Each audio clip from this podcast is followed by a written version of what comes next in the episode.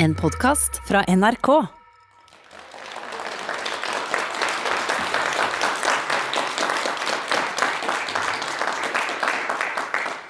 Hei og velkommen til debatt i P2, der dagens tema er norsk oppdrettsnæring og de etiske utfordringene den står overfor. Norsk oppdrett øker stadig i omfang og er med på å skape både store personlige formuer og store eksportinntekter for Norge. Ja, noen mener at dette er vår nye olje. Men samtidig så øker kritikken mot næringa nærmest fra år til år. Fra dyrevernere, miljøorganisasjoner og andre. Miljøutleggelser, lakselus, rømming, masse død og dyreplageri, regnskog som hogges ned for å sikre norsk laks fôr. Det er bare noe av kritikken mot næringa. Så jeg har lyst til å starte med deg, Marit Bjørnevik. Du er førsteamanuensis ved Nord universitetet og en forsker med spesiale på akvakultur. Når vi hører om all denne kritikken og alle problemene og utfordringene denne næringa har, hvorfor trenger vi oppdrettsnæring? Hva er det den gir oss som nasjon og befolkning? Jeg tenker jo et, Det er jo et godt spørsmål. Man kunne jo tenke seg at man bare skulle avvikle hele greia. Eh, men jeg tenker at har, eh, det er flere grunner til at vi skal beholde den. Det ene er jo det nasjonale. Eh, oppdrettsnæringen og det er jo sånn som folk vet, det er jo en næringsvirksomhet som gir arbeidsplasser i våre kystkommuner. Og Nå er vi jo i Bodø, vi er i Nord-Norge. og det er klart Her er akvakulturnæringen i kystkommunene veldig viktig. Eh, og så eh, skal vi jo på sikt avvikle olje og gass. Altså Våre importinntekter vil bli kraftig redusert. Så vi trenger flere økonomiske bein å stå på. Og Da tenker jeg at akvakultur det er en av de beina vi skal stå på. Eh, men så har vi et annet aspekt, og det er ikke det nasjonale, men ute i verden. Det internasjonale. Eh, fordi at antall mennesker øker. Eh, nå er vi ca. 7 milliarder mennesker på denne jorda. Det skal øke til 10 milliarder i 2050. Det er faktisk en økning på 50 Eh, og så tenker man kanskje at det er lett å skaffe nok mat til disse menneskene, men faktisk så er det sånn at jorda hun, Her dyrker vi jo det vi kan dyrke, eh, men på sikt blir det faktisk mangel på protein. Da må vi trolig gå i havet for å finne det. Men, men det er næring med, med, problemer eller utfordringer, alt etter hva ord man vil bruke. Hva, hva, anser du som de største problemene og utfordringene som norsk havbruksnæring står foran, eller er inne i? Jeg tenker jo det her med velferd og dødelighet. Og Da er det jo både velferd og dødelighet på oppdrettslaksen, eh, men òg på denne rensefisken som blir brukt for å, å spise lus av laks. Eh, og Kanskje spesielt den. Jeg tenker at det er uakseptabelt. Eh, og så har vi det her med bærekraftige fôrressurser. Eh, du var jo også inne på det. Det at vi må importere noe soya fra Brasil på bekostning av ned, nedbrente regnskoger og nedhogd savanner, er, er jo òg uholdbart. Men, men, hvis vi har disse problemene, og samtidig som du ønsker vil bevare næringa, hvordan, hvordan, kommer næringa ut av disse problemene? Hvordan løser de dem? Ja, som fagperson så tenker jeg jo at eh, Problemer er til for å løses. Eh, det er ikke sikkert vi kan løse dem så fort, eh, men det er klart at det, tekniske, det finnes tekniske løsninger. Lakselus er et av de største problemene. og Vi vet at får vi oppdrett på land eller oppdrett i semilukka merde, så pumper vi opp vann fra dypet. Da er vi jo kvitt lakselusa. Så det er klart det er en løsning, men det er en dyr løsning eh, for oppdrettsnæringen. Eh, og Jeg var inne på det her med, med fôrressurser. Eh, det er en masse norske forskningsmiljøer som nå er involvert i å forske på nye fôringredienser. Så jeg tror at Framtidens laksefôr vil inneholde mikroalger, den vil inneholde flue, sånne mel av fluelarver og andre ting som kommer. Eh, så, så, men klart, Det går ikke så fort å finne ut av alt dette, men, men jeg har tro på at vi, vi vil finne løsninger framover.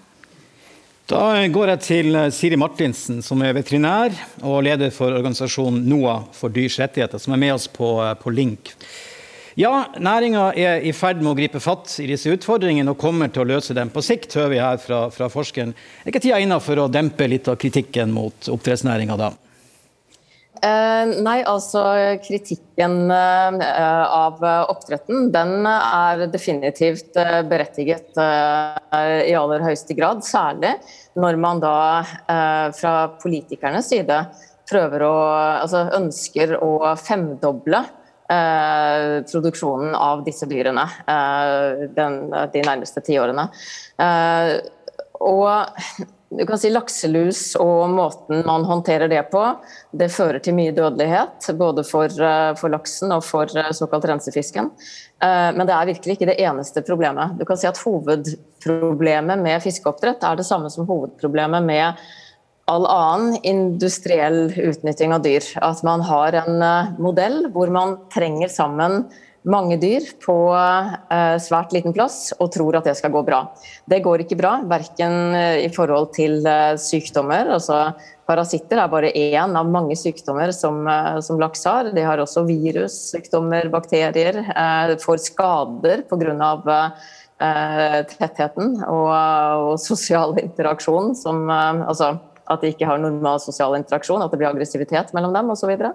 Um, og så er det jo dyrevelferden. altså Atferden til fisken får jo, altså de får jo ikke utløp for naturlig atferd. Dette er jo uh, dyr som, um, som, faktisk har et stort bevegelsesbehov. Uh, ganske komplekse dyr som, uh, som, da behandles rett og slett som livløs biomasse. Og man løser jo ingenting av dette her ved, å, ved, å, fortsette med den massive produksjonen. Man trenger, på samme måte som produksjonen på land, så trenger man også i forhold til havdyrene, altså fiskene, å innse at vi må gå ned i næringskjeden. vi må basere oss på planter, rett og slett, istedenfor å masseprodusere dyr og tro at det skal gå fint. Så, så du vil avvikle produksjonen basert på, på dyr, altså på, på laks og fisk? Eh, ja, så vi, vi, burde aldri ha startet med dette her. Det var en veldig dårlig idé eh, som eh, fikk lov til å utvikle seg til et gigantprosjekt, og som nå man tror seg økonomisk avhengig av. Men i utgangspunktet så er det jo ikke basert på veldig fornuftig kunnskap Altså det er jo ikke basert på kunnskap om dyr man, eh, man, tok jo ikke hensyn til dyrenes atferd eller uh, hva som ville skje med sykdommer osv. når man trykker sammen uh, en mengde dyr på unaturlig liten plass. Vil du, vil du kalle det som skjer for dyreplageri? Ja, definitivt. Og der er jeg heller ikke alene. Det er jo Jeg husker altså min lærer på Veterinærhøgskolen, Trygve Poppe, han er jo fiskehelseekspert. og Eh, og har jo uttalt seg mange ganger om oppdrettsnæringen og også denne luseproblematikken og rensefisken. Eh, og han og mange veterinærkollegaer eh, har jo brukt det ordet rett ut, så selvfølgelig må jeg også som leder av en dyrerettighetsorganisasjon kunne stå for det. Det er jo, det er jo dessverre det det er. Takk så langt. Da skal vi gå til Kjetil Rykkhus. Du er også veterinær. Eh, og du jobber for Sinka Berg-Hansen, et stort oppdrettsselskap med lokaliteter på Helgeland og i Trøndelag. Dyreplageri, er det det du bidrar til når du deltar i, dette, i denne næringa? Nei, eh, definitivt ikke.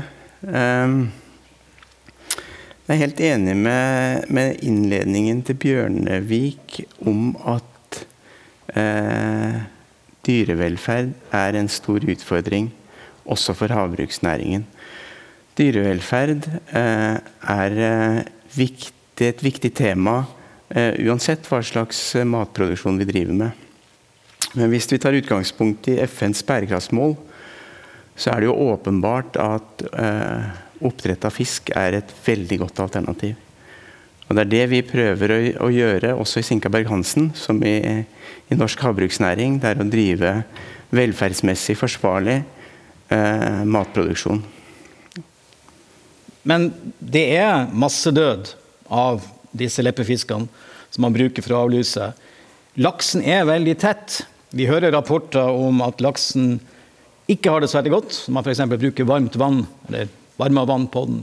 Så, så det, er ikke, det, er ingen form for dyreplageri i dette i det hele tatt, eller lidelser for, for dyrene? Eh, den håndteringen som vi er nødt til å gjøre eh, for å kontrollere lusenivåene, det er Om det er dyreplageri, kan vi jo sikkert diskutere, men at, eh, at vi utsetter fisken for en påkjenning, det gjør vi jo. Men så er spørsmålet om det er en det vi utsetter fisken for, er noe som kan forsvares i forhold til det vi oppnår. Og Det er jo da vi må sørge for at vi har en interessant diskusjon i forhold til det som står i lov om dyrevelferd.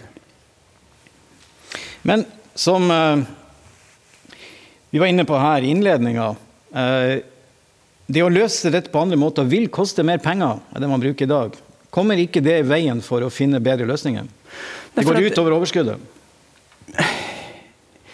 Nei, for at, sånn som Ikke bare vi i Sinkaberg Hansen, men i andre selskap også, så ser vi det at eh, god fiskevelferd, det er god, god økonomi. Så hvis vi har fokus på fiskevelferd, så ser vi også det at vi klarer å, å produsere fisk. Vi har, eh, vi har, lav dødelighet, vi har god kvalitet på den fisken som vi leverer. Sånn at, eh, og jeg tror at med de løsningene, de tradisjonelle løsningene som vi har, og de erfaringene som vi gjør oss, så har vi en kontinuerlig utvikling og forbedring i de metodene som vi bruker. Eh, kan vi selvsagt diskutere at vi skulle hatt en lavere dødelighet både på, på oppdrettslaksen og på rensefisken. Eh, det er vi helt enig i. At, vi, at vi, må, vi, må, vi, må, få den dødeligheten ned. Men samtidig så må vi ha et minst like stort eh, fokus på hvordan fisken har det mens den lever.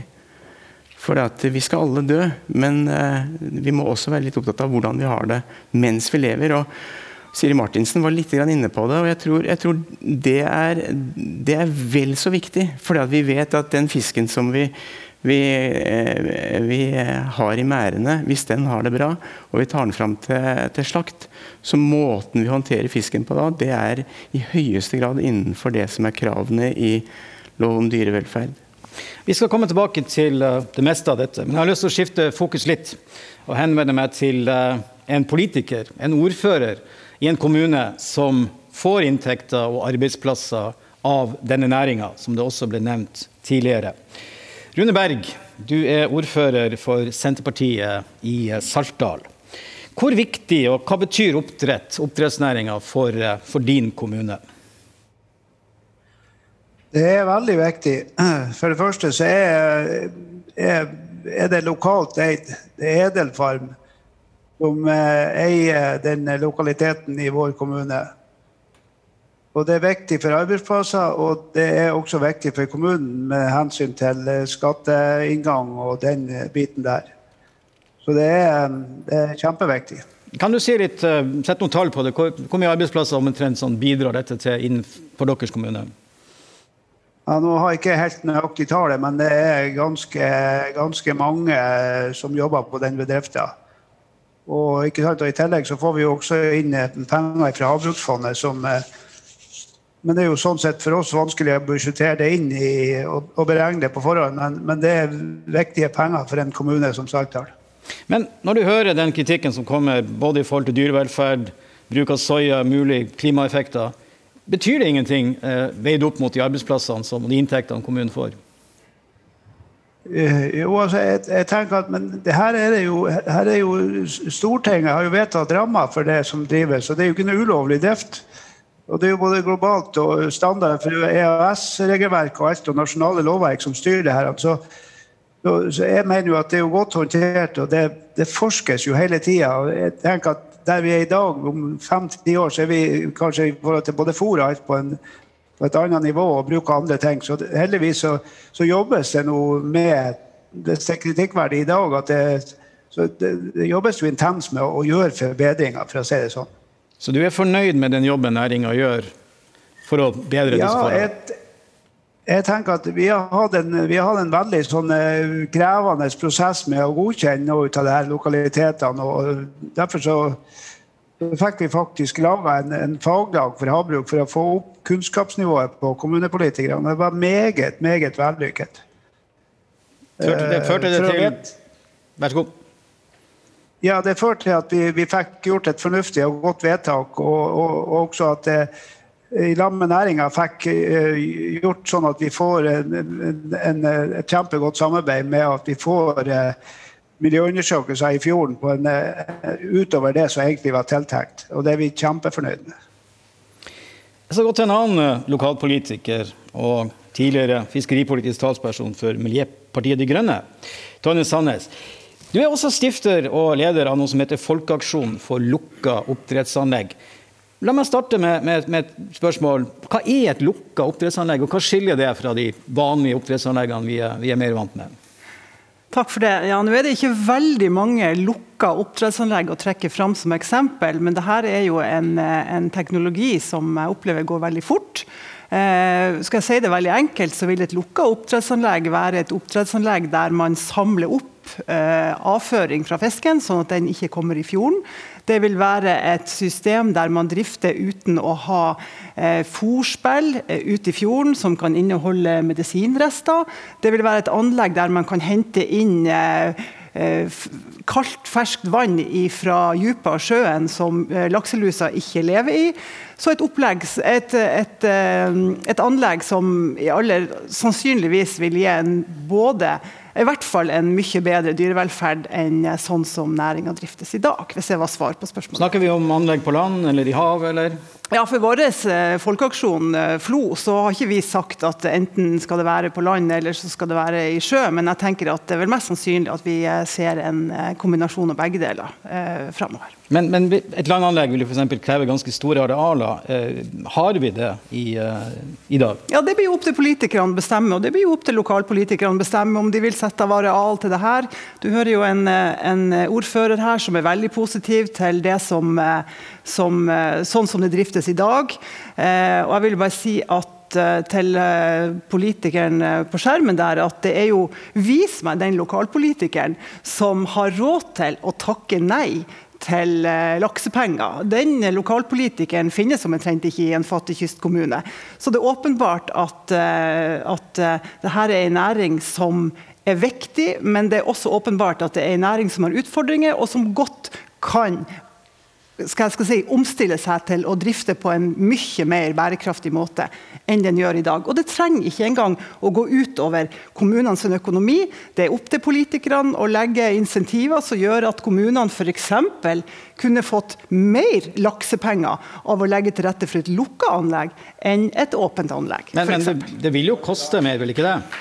Ja, det er klart det vil koste. Da vil det vel gå ut over de overskuddet som skal tilfalle kommunene? Ja, altså, I fjor så hadde oppdrettsnæringa et eh, utbytte på 13,2 milliarder. 6000 millioner av de, altså 6,4 milliarder, gikk ut av landet til eierskap utenfor, utenfor Norge. Så jeg tenker at eh, ja, det vil koste. Det er klart at det er eh, store kostnader med å drifte og, og ikke minst utvikle og bygge lukka anlegg, men eh, det går den veien. Og er det noe denne næringa har, så er det ressurser til å ta en sånn omstilling. Takk.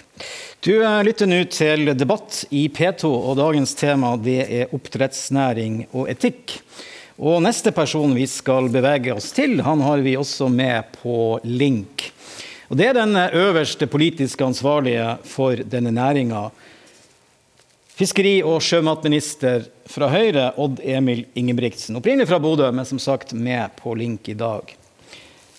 I november eh, i fjor så skrev du på NRK Ytring kritikken mot havbruksnæringas dårlige miljøprofil er like seigliva som den er uriktig. Etter det du har hørt i debatten så langt, står du fast ved den uttalelsen? Ja, det gjør jeg. Jeg må si at jeg syns vi har grunn til å være veldig stolte av hva havbruksnæringen har fått til. Og for så vidt også et godt samarbeid med myndighetene. Vi har lyktes på veldig mange ting når det gjelder å forbedre bærekraftsutfordringene. Jeg kan jo nevne redusert bruk av antibiotika. Eh, kontinuerlig overvåking av miljøet under merda, trafikklyssystemet og redusert rømming. Så jeg syns vi har lyktes med veldig mye. Det er jo ofte et spørsmål man skal hvor man skal velge å fokusere. Det er klart det er fortsatt utfordringer i forhold til altfor høy dødelighet f.eks. og fiskevelferd. Eh, men samtidig så har Norge grunn til å være veldig stolt av det vi fått til. Jeg vil påstå at eh, det som eh, slår meg med havbruksnæringa, er jo at det i all hovedsak er familiebedrifter som er lokalt eid. Ca. 75% av all produksjon foregår i store og små familiebedrifter langs kysten. og uten havbruksnæringa så hadde vel kysten vår omtrent eh, vært som et sånt freda reservat hvor turistene kan komme på besøk og se på den fine naturen. Så jeg syns vi har eh, grunn til å være veldig stolt av det vi har fått til. Så tenker jeg også at eh, jeg tror retninga i havbruket fremover vil gå i mer lukka retning for det kystnære havbruket. Det vil løse en del av bærekraftutfordringene som vi er nødt til å finne løsninger på. Så ser vi også at det er store investeringer på landbasert allerede, og vi har også en gryende utvikling nå på Eh, langt til havsoppdrett, som også er veldig spennende. Ja, du, du innrømmer jo at det er utfordringer her, kanskje ikke miljøproblemer, men miljøutfordringer. Er det da så lurt å, å mangedoble mengden oppdrett før man har løst de problemene? Ja, det er også et større bilde her, som også Bjørnevik var innom. Vi har en global utfordring i årene fremover med at verden trenger mer proteiner. Eh, så at Norge har absolutt en rolle i å spille eh, i å levere sunn norsk sjømat og viktige proteiner til verdens befolkning. Eh, men da må vi også løse en del av bærekraftsutfordringene, og uten at vi får det til, så er det vanskelig å få til videre vekst. Men sånn som jeg forstår det, så øker man dette, man øker mengden, og myndighetene vil i stor grad overlate til næringa sjøl å løse disse problemene. Er det aktuelt å gå inn med strengere krav, strengere regulering for å få dette til? Jeg tror Hvis du spør eh, næringsaktørene, så, eh, så tror jeg ikke det er mangel på strenge krav fra myndighetene. Vi har eh, masse, masse regler eh, som næringa må forholde seg til eh, i forhold til både bærekraft og, og dyrevelferd. Eh, så Det handler jo både om å finne løsninger på de reelle utfordringene, f.eks. utvikling av nye fôrintegrenser som gjør at vi kan bli mer med fôr. Importere mindre soya fra Brasil f.eks. Bruke de biomarine mulighetene vi har langs kysten med eh, dyrking av alger eller tang og tare. Det er jo behov for eh, forskning på det området for å finne knekk hodene. Det er jo noe de gjør rundt omkring på mange universiteter bl.a. Og det foregår veldig mye spennende prosesser på det nye fôringredienser er utrolig viktig, samtidig som vi må få ned dødeligheten på fisken. Vi eh, skal gå litt dypere inn på dette med fôr. Flere har, har nevnt eh, import av, av fôr, soya fra Brasil. Uh, det, ikke, det, er ikke veldig bærekraftig, er du inne på Bjørnevik. Uh, hva, er, hva er hovedproblemet når det gjelder den fôrbruken man har i norsk oppdrettsnæring i dag? Ja, Utfordringen er jo at vi har, eh, etter hvert som oppdrett har økt, ikke bare i Norge, men på verdensbasis, så er vi jo gått eh, Altså vi har jo ikke nok fiskemel og fiskeolje å putte inn i fôret, sånn som vi hadde gjort tidligere.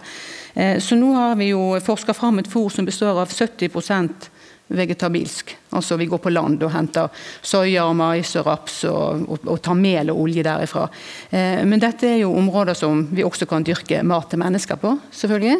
Eh, men så er det jo sånn som flere har vært inne på, at eh, spesielt i Brasil så eh, rydder man skog for å dyrke soya.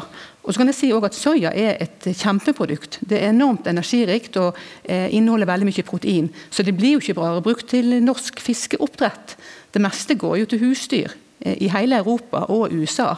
Så soya er et veldig benytta produkt. Så selv om vi nå slutter å bruke det, så vil fortsatt eh, jeg redd, eh, regnskogene bli hogd ned. Men jeg tenker jo at norsk oppdrettsnæring har jo likevel et ansvar her. Så, så, det er veldig bra hvis vi kan redusere bruken av soya. Hva, hva skal vi erstatte med, da? Fordi Et sted må vi hente det?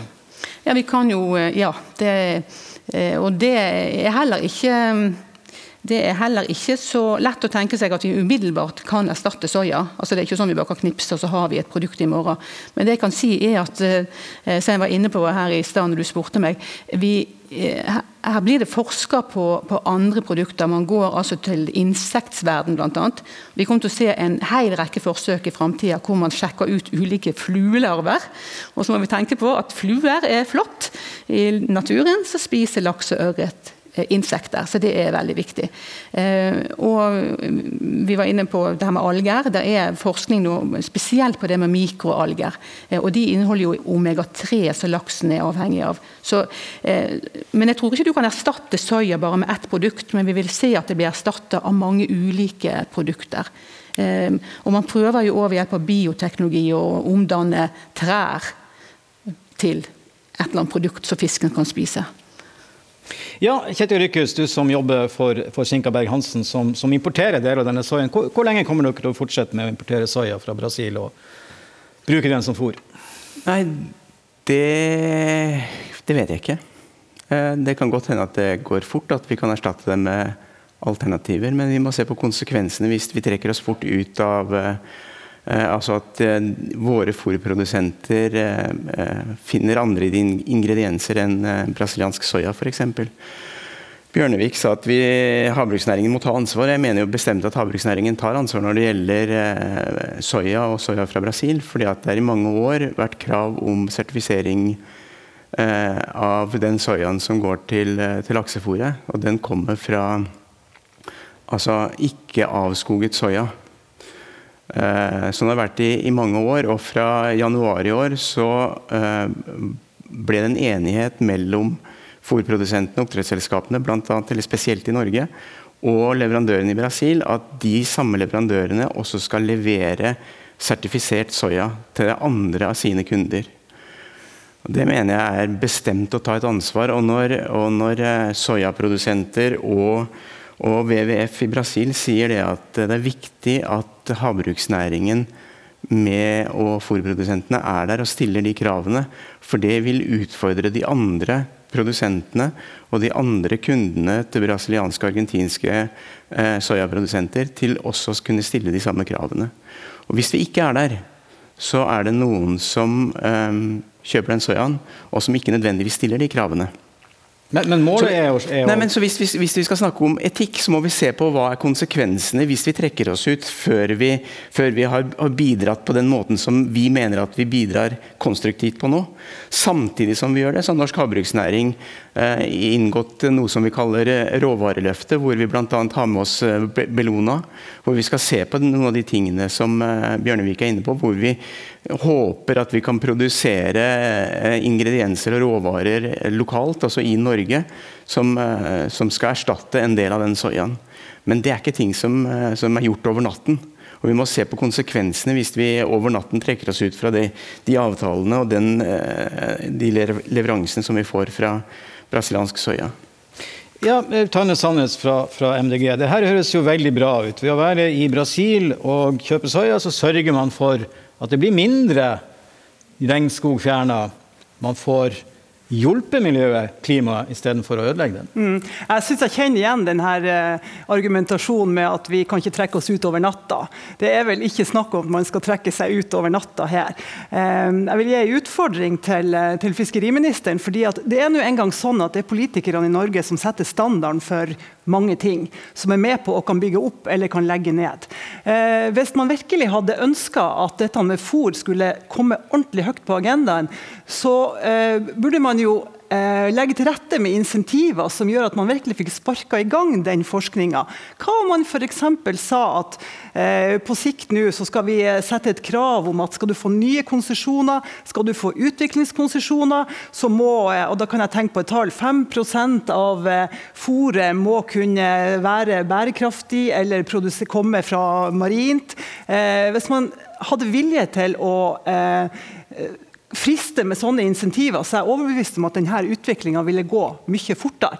Og så er det en annen ting som handler litt om økonomi. fordi at I disse dager så jobber EU med noe som heter e taksonomi, og som er, et, en, som er EU sin måte å skal eh, sparke, altså få fart i eh, og, ned klimaavtrykket i bedrifter. Og her er det altså her skal altså EU stimulere grønne investeringer. Og disse investeringene skal, må kunne eh, vise til et lavt klimaavtrykk.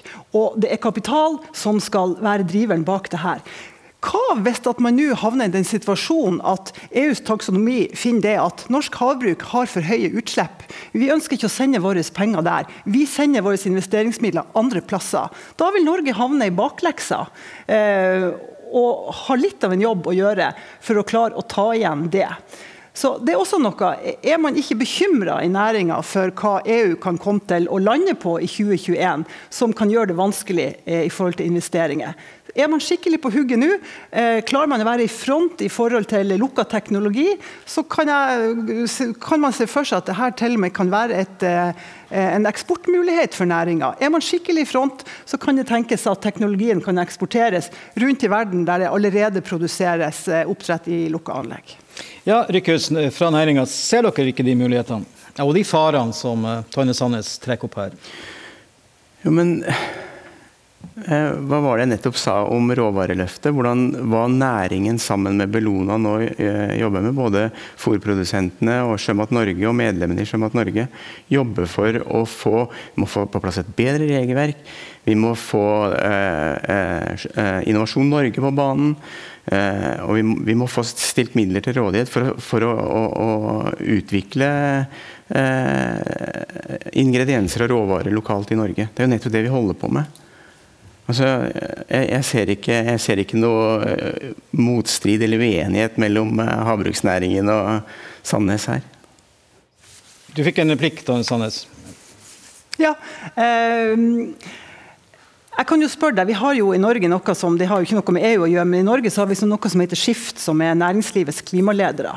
Det er mange bedrifter som har skrevet under på en grønnvaskingsplakat og skrevet under på at de ønsker å være klimaledende blant norske bedrifter. Det er alt fra Mesta til Norgesgruppen.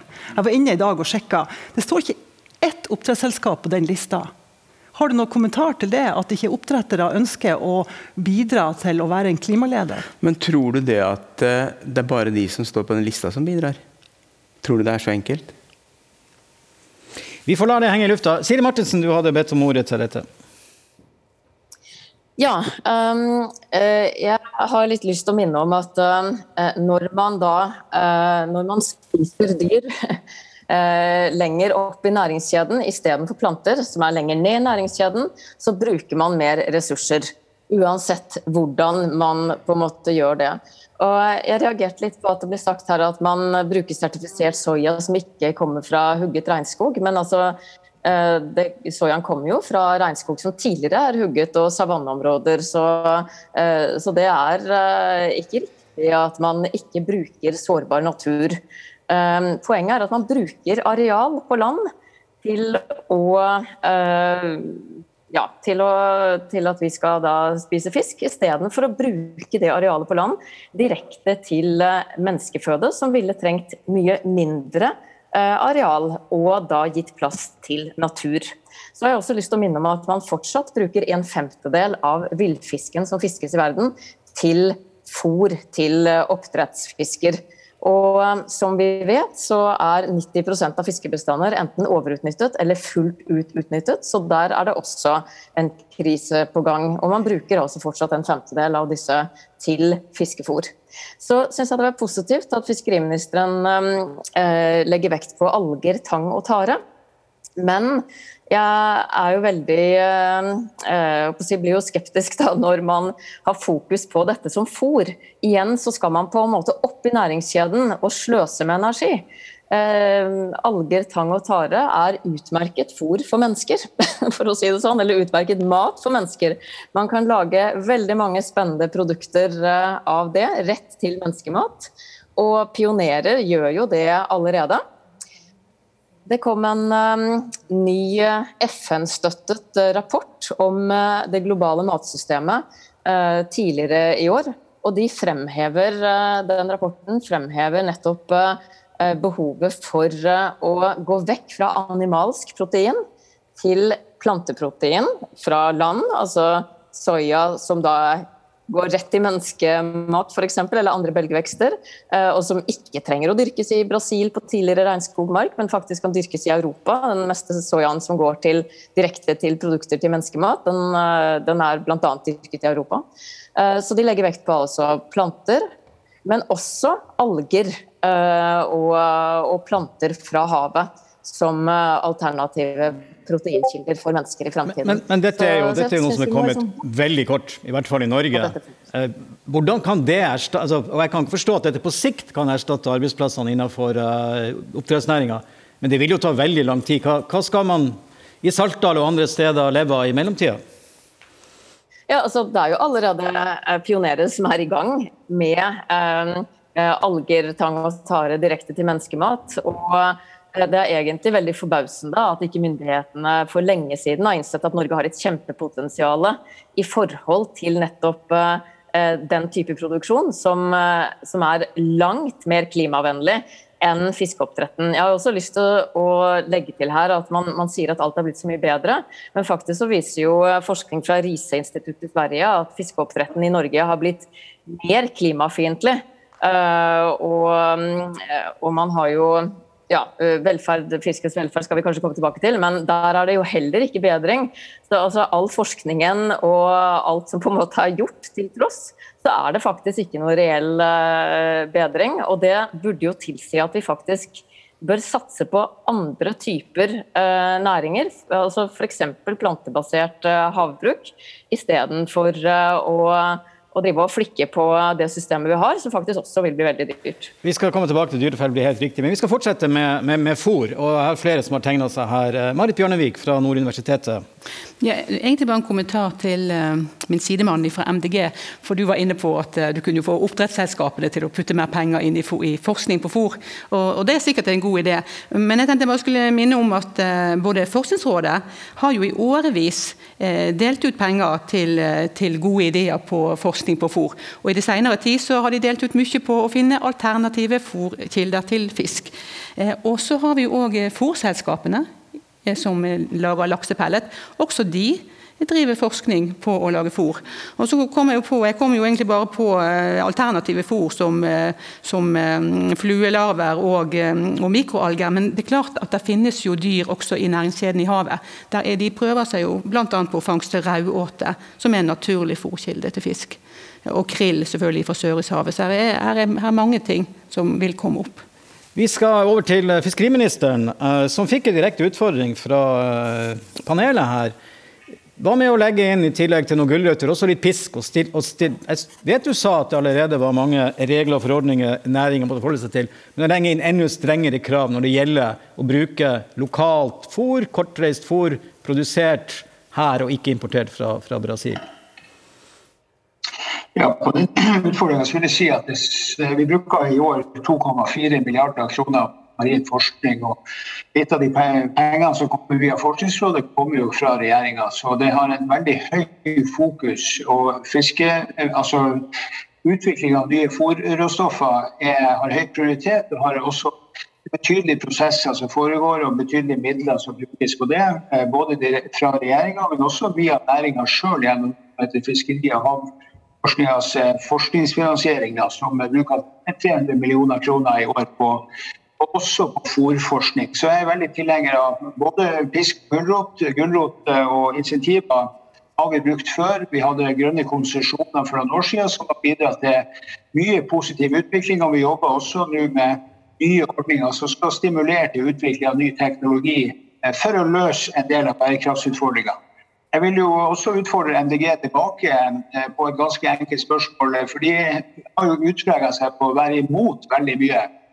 Så jeg lurer egentlig på hva de er for, og hva skal vi leve av langs kysten. At, eh, det er jo sånn at det dette er utrolig viktig næring for Kyst-Norge. Og med den politikken som MDG i hvert fall ser ut til å skal føre, så blir det ikke mange lys i husene langs kysten, etter min mening. Når det da gjelder eh, f.eks.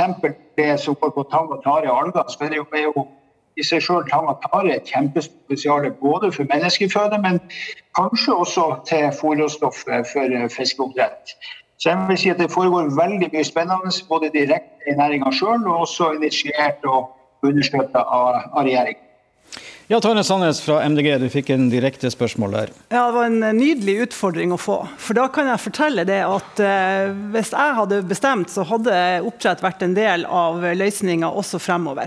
Da skulle vi ha drevet fiskeriminister med oppdrett i lukka anlegg. Og jeg tror at disse lukkede anleggene hadde generert flere arbeidsplasser enn de åpne anleggene. For disse lukka anleggene de skal, eh, de skal repareres, de skal holde service på. Det vil kanskje bli en annen type arbeidsplasser eh, i distriktene. Samler man opp avfallet, så kan det gå i den sirkulære økonomien og gjenbrukes eh, i, ja, i, i, litt av hvert. Det vet du sikkert like godt som meg. Eh, vi ville ha fått eh, bedre velferd på fisken. Vi ville fått eh, mindre eh, si, skade på villaksen. Eh, jeg kan egentlig holde på ganske lenge. men Jeg er ikke motstander av oppdrett, men jeg mener det at Utviklinga går for sakte. Den går i retning av lukka anlegg, det sier jo du sjøl. Eh, og at nå må vi sparke skikkelig i gang, og det er utfordringa for du, til å få det her lukka fortest mulig. Vi skal gå videre i denne debatten på P2, som dere hører på, og som handler om oppdrettsnæringa og dens etiske utfordringer. Og vi skal gå til på en måte det andre hovedtemaet som har vært oppe her, og det er dyrevelferd. Og eh, Siri Martinsen, det ble sagt her at vi burde bry oss mindre med at fisken dør, og mer med hvordan den lever. Er du enig i den påstanden? Ja, jeg har notert eh, det at jeg skulle kommentere det. Fordi det at fisken dør, eller rettere sagt da, nå dør jo over 50 millioner eh, laks eh, årlig før slakt. Og eh, for rensefisken så eh, mener jo en, en, del forskere at 100% av de faktisk da dør eh, si, av ulike sykdommer og, og skader. Um, og uh, det fiskene dør av, det er i stor grad sykdom og skader. Og død er på en måte altså Som veterinær da, så vet man at uh, det kan være ganske mye lidelse for dyr i et system før man ser død. Så død er, er siste fase i et liv med mye lidelse. Når 50 millioner eh, fisker dør per år, betyr det at langt, langt flere fisker lider, men da ikke kommer til det siste stadiet av sykdom og skade. da. Så, så, dødelighet er veldig grovt, en grov indikator på dårlig dyrevelferd. Men det er en indikator på dårlig dyrevelferd, altså dårlig liv. Også for de fiskene som ikke eh, har dødd. Og jeg vil veldig gjerne Uh, henlede oppmerksomheten på to rapporter. Havforskningsinstituttet hadde jo, altså de har jevnlige rapporter om fiskeoppdretten. og Rapport fra 2019 den er veldig klar og tydelig på at uh, velferdsutfordringene, da, altså lidelsen for fiskene, er, uh, er store. Det, det, bruker de mye tid på å beskrive. Og Jeg vil også gjerne nevne rapport fra Veterinærinstituttet, Fiskehelserapporten 2020. Um, og Der skrives det rett ut altså at eh, utfordringene innen velferd og sykdom hos laksen har ikke bedret seg i norsk oppdrett. Så Det lyder veldig hult når man hele tiden sier at alt er så mye bedre og det er lovlig osv. Ja, det er faktisk lovlig å utsette fisk for veldig dårlig velferd. Og Vi skal lytte til forskerne som sier at den faktisk ikke, altså velferden har ikke bedret seg. Det er et stort problem. Det er et faktum du ikke kommer unna. Ja, Kjetil Rykhus, veterinær i, i Sinka Berg-Hansen. Eh, velferden har ikke bedra seg, og den er dårlig før fisken dør. Nei, jeg vet ikke om jeg er helt enig. Jeg er delvis enig. Eh, det jeg kan være enig med Martinsen i, det er at eh, dødelighet er en dårlig indikator. Alle dør på et eller annet tidspunkt. Spørsmålet er i mye større grad hvordan har de hatt det den stunda de har levd. Og der eh, er også de som skriver eh, rapporten på Veterinærinstituttet enig i at vi ikke har Vi har noen indikatorer, men vi har ikke noen gode indikatorer eller metoder for å kvantifisere om en fisk har det bra eller dårlig. Eh, den stunda den lever. Det her var vi innom i stad også. Og jeg tror det at det som, i hvert fall det som vi gjør nå, da, det er å se på både hvordan altså velferd i hele produksjonskjeden. Tenke velferd når vi skal utvikle nytt, nye metoder, nytt utstyr. Og vi tenker også, også, velferd litt som HMS. Hos oss eh, mennesker på arbeidsplassen så tenker vi fiskevelferd i produksjonen. Og vi, vi har en eh, risikobasert tilnærming til hvordan vi skal håndtere fiskevelferden. Og selv om vi har relativt eh, lav dødelighet i vår produksjon, så, så er ikke vi heller, heller, fornøyd. Eh, vi ligger lavere, vesentlig lavere enn en det landsgjennomsnittet som er oppgitt i, i fiskehelserapporten som, som Martinsen viser til, som jeg mener å huske er på 14% I det området som vi eh, produserer eh, vår fisk, så ligger snittet på 10% som selvsagt også kunne vært lavere, og vi ligger vesentlig lavere enn det igjen. Men det er ikke noe det er et tall, og det er ikke det nødvendigvis som vi vil målesette. Vi vil målesette de parameterne som vi må jobbe med å finne fram for å kunne si hvordan fisken har det så lenge den lever. Men, men Vanskelig å måle, sier du. Men, men avviser du disse rapportene? For om Nei, jeg avviser ikke de rapportene. Bruk av varmvann skaper ubehag for fisken? Og... Ja, men uh, altså, vi, kan, vi, kan, godt gå inn og diskutere um, representativiteten på de forsøkene som er satt opp av Veterinærinstituttet og Havforskningsinstituttet. Og så kan vi diskutere om det er forsvarlig å utsette den fisken for den påkjenningen som den blir utsatt for, ved en av de her metodene. Men hvis vi skal diskutere det, så kan vi også begynne å diskutere hvorfor er vi i den situasjonen som vi er i. I 2009 så ble eh, daværende direktør i eh, Direktoratet for naturforvaltning fortalt at hvis den situasjonen vi er i nå fortsetter, så vil vi være uten villaks om, om fire år, altså i, i 2012. Eh, og det her er et ganske viktig poeng. Det resulterte i en dramatisk og hårreisende bruk av lusemidler for å holde lusenivåene nede. Eh, eh, men helt feil strategi. Et vesentlig bidrag til den eh, situasjonen vi kom opp i, som også har bidratt til at vi har tatt i bruk uh, ulike metoder før vi har fått prøvd de skikkelig ut. Og, og vi har også tatt i bruk rens, rensefisk etter det. Sånn at vi må, vi må se litt på hvorfor vi er i den situasjonen som vi har kommet i. Og hvis vi nå skal alle sammen skal over på, på lukket, som, som Sandnes er opptatt av, hva hvis vi går på samme smellen der? Hvem er det da som skal stilles til ansvar for at vi har blitt på en måte tvunget eller lokket eller lurt inn i en, eh, i en løsning som kanskje ikke er optimal alle steder? Noen steder kan det hende at det fungerer. Det vet vi ikke ennå. Som Sandnes sa, det er veldig få anlegg som er lukkede, og det er en grunn til det. Eh, Tanja Sandnes skal svare på det, men jeg skal først slippe til fiskeriminister Odd Emil Ingebrigtsen, som har bedt om ordet. Ja, altså jeg må si at jeg er jo veldig bekymra for for den høye dødeligheten. Det varierer jo eh, i havbruksnæringa fra ca. 4 ned til opp mot ca. 30 og Så kan man jo prøve å finne ut hva som gjør at man har så høy dødelighet noen plasser og lav dødelighet andre plasser. Eh, men det her er jo eh, det at vi har god fiskevelferd og god status på fiskehelse, er et konkurransefortrinn for Norge som vi må ta vare på. Jeg opplever at næringa sjøl er ekstremt opptatt av det her. Det er jo ikke akkurat lønnsomt for næringa å ha så høy dødelighet, i hvert fall enkelte plasser. Eh, men skal vi eh, fortsette og skal vi få til bærekraftig vekst, så må vi finne løsninger på utfordringer med for høy dødelighet. Så jeg har lyst til å si at Når det gjelder f.eks. det med varmtvannsbehandling, så har Mattilsynet godkjent denne metoden som mer skånsom. Og litt av Hovedårsaken til at det er så høy dødelighet på plasser, er fordi at man må behandle fisken mot lus. Så eh, det henger jo litt i hopen alt sammen her. Jeg opplever i hvert fall at eh, næringa sjøl har sterk fokus på det her, og det foregår mye arbeid for å finne gode løsninger eh, på det her. Siri Martinsen fra NOA, du har også bedt om ordet.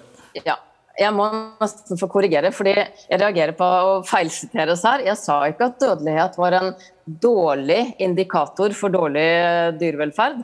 Dødelighet er absolutt en, en klar indikator på at eh, fisken har det dårlig mens den lever. Død, altså død er siste stadiet i en rekke eh, stadier med dårlig dyrevelferd. Men død er en grov indikator. Og Det betyr at selv om man ikke har dødelighet, så kan dyrevelferden for fisken være svært dårlig. Selv om den altså ikke går helt til død. Så det syns jeg man, eh, man, kan være redelig nok til å liksom, se hva jeg faktisk sa.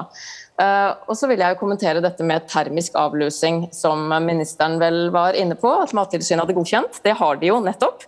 Men det er, um, det er altså på grunnlag av uh, næringshensyn. Det har ingenting med dyrevelferd å gjøre. For de ønsket jo faktisk å forby uh, denne metoden fordi den er dyrevelferdsmessig uforsvarlig. Eh, det er altså svært ubehagelig for fisken å være utsatt for eh, opp, altså varmt eh, vann, varmere vann enn det fisken ønsker å være i. Og det fører til død, det fører til skader, men det er svært stressende og ubehagelig. Så Grunnen til at man tillater de ulike metodene, det er ikke fordi de er akseptable etter dyrevelferdsloven, eller, eh, eller at, de ikke, de ikke, er så problematiske for fisken. Det er av hensyn til næringen. Jeg syns vi skal være ærlige og si det. Eh, det er, eh, det er en kamp si, mellom penger, næring og dyrevelferd, og der taper dyrevelferd. Da Tonje Sandnes fra MDG, skal du svare på utfordringa. Hvordan sikrer vi oss at ikke vi ikke får de samme problemene med de løsningene? Ja, nå er det jo sånn at eh, Oppdrettsnæringa har jo eh, holdt det gående siden eh, starten på 70-tallet på Hitra. Og teknologien fra 70-tallet og fram til i dag er ikke så har ikke gjort direkte kvantesprang. For det er fremdeles åpne notmærer som er impregnert med kobber, eh, som forurenser havet vårt, og som slipper all, eh, alt avfallet ut i fjorden.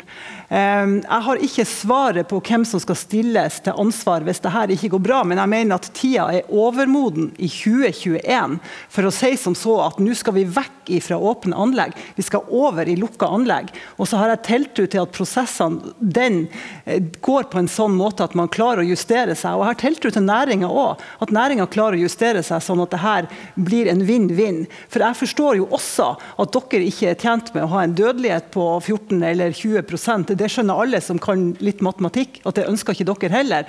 Men det har altså dødd 50 millioner laks hvert eneste år i de siste årene. Det blir ikke noe bedring. Så tida er altså overmoden på å gjøre en drastisk endring. Eh, Marit Bjørnevik, Nord universitet, vær så god. Altså, det med dødelighet er jo ja, en vanskelig, vanskelig, sak. og jeg tror eh, Næringen ønsker jo selvfølgelig ikke høy dødelighet. Det er jo bare et økonomisk tap. Eh, men jeg tenkte jeg skulle bare kommentere litt på det. for det at eh, Næringen har jo faktisk jobba mye med å få ned dødelighet, til tross for at den gjerne ikke har gått ned. og det vil jeg kommentere på. For Hvis man går inn i disse rapportene f.eks. til Havforskningsinstituttet og Veterinærinstituttet, så viser det seg at dødeligheten på fisk rett etter at den satt ut i sjø, den har jo gått ned. den. Så næringen har jobba veldig godt med å få ned dødeligheten. Men så er det jo sånn at uh, Mattilsynet er opptatt av, uh, og alle andre myndigheter er opptatt av lakselus pga. villfisken. Og dermed pålagt uh, oppdrettsnæringen å avluse så fort det blir mer enn en halv holus i snitt per fisk. Det gjør at spesielt om sommeren i enkelte oppdrettsanlegg i Norge, så blir det avlusa faktisk flere ganger i måneden. Det gjør at dødeligheten har gått rett i taket igjen. Så, sånn at det enkelte sånn at det, det, er ikke bare det at det altså, Det blir helt feil å si at det er eh, næringen som ikke jobber med dødelighet, for det gjør de. Men de blir påført ting eh, utenfra, og det er kanskje med det rette at vi må ha et trafikklyssystem på lakselus som gjør at dødeligheten går opp igjen. Vi nærmer oss slutten på debatten, men eh, kort, fiskeriminister Oddny Ingebrigtsen. Jeg er veldig enig i det Bjørnevik sier. Jeg opplever også at eh, næringa jobber eh, mye med det her. og Det er også forskjellige veier til mål. så Det er satt i gang et arbeid for å videreutvikle trafikklyssystemet. Jeg tror det er bra at vi kan finne flere objektive indikatorer hvis det lar seg gjøre. Men det er jo forskere som jobber med det. Eh, som kan da gi et slags og uttrykk for både bærekraft og, og, og fiskehelse f.eks. Så det er viktig å ikke glemme at verden trenger mer proteiner. Eh, laks er sunt, og det er klimavennlig produksjon. Bare se på fôrfaktor på laks eh, versus f.eks. produksjon av svin.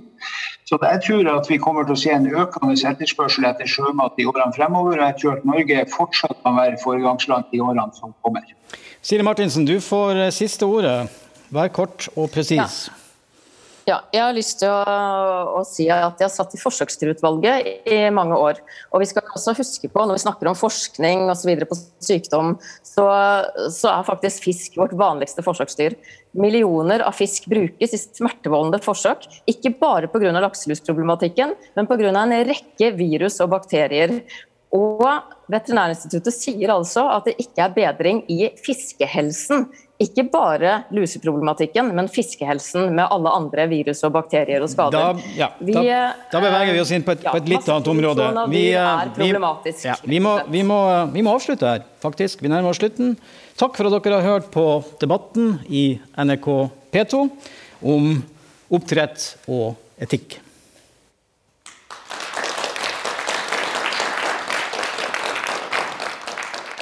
Du har hørt en podkast fra NRK. Hør flere podkaster og din NRK-kanal i appen NRK Radio.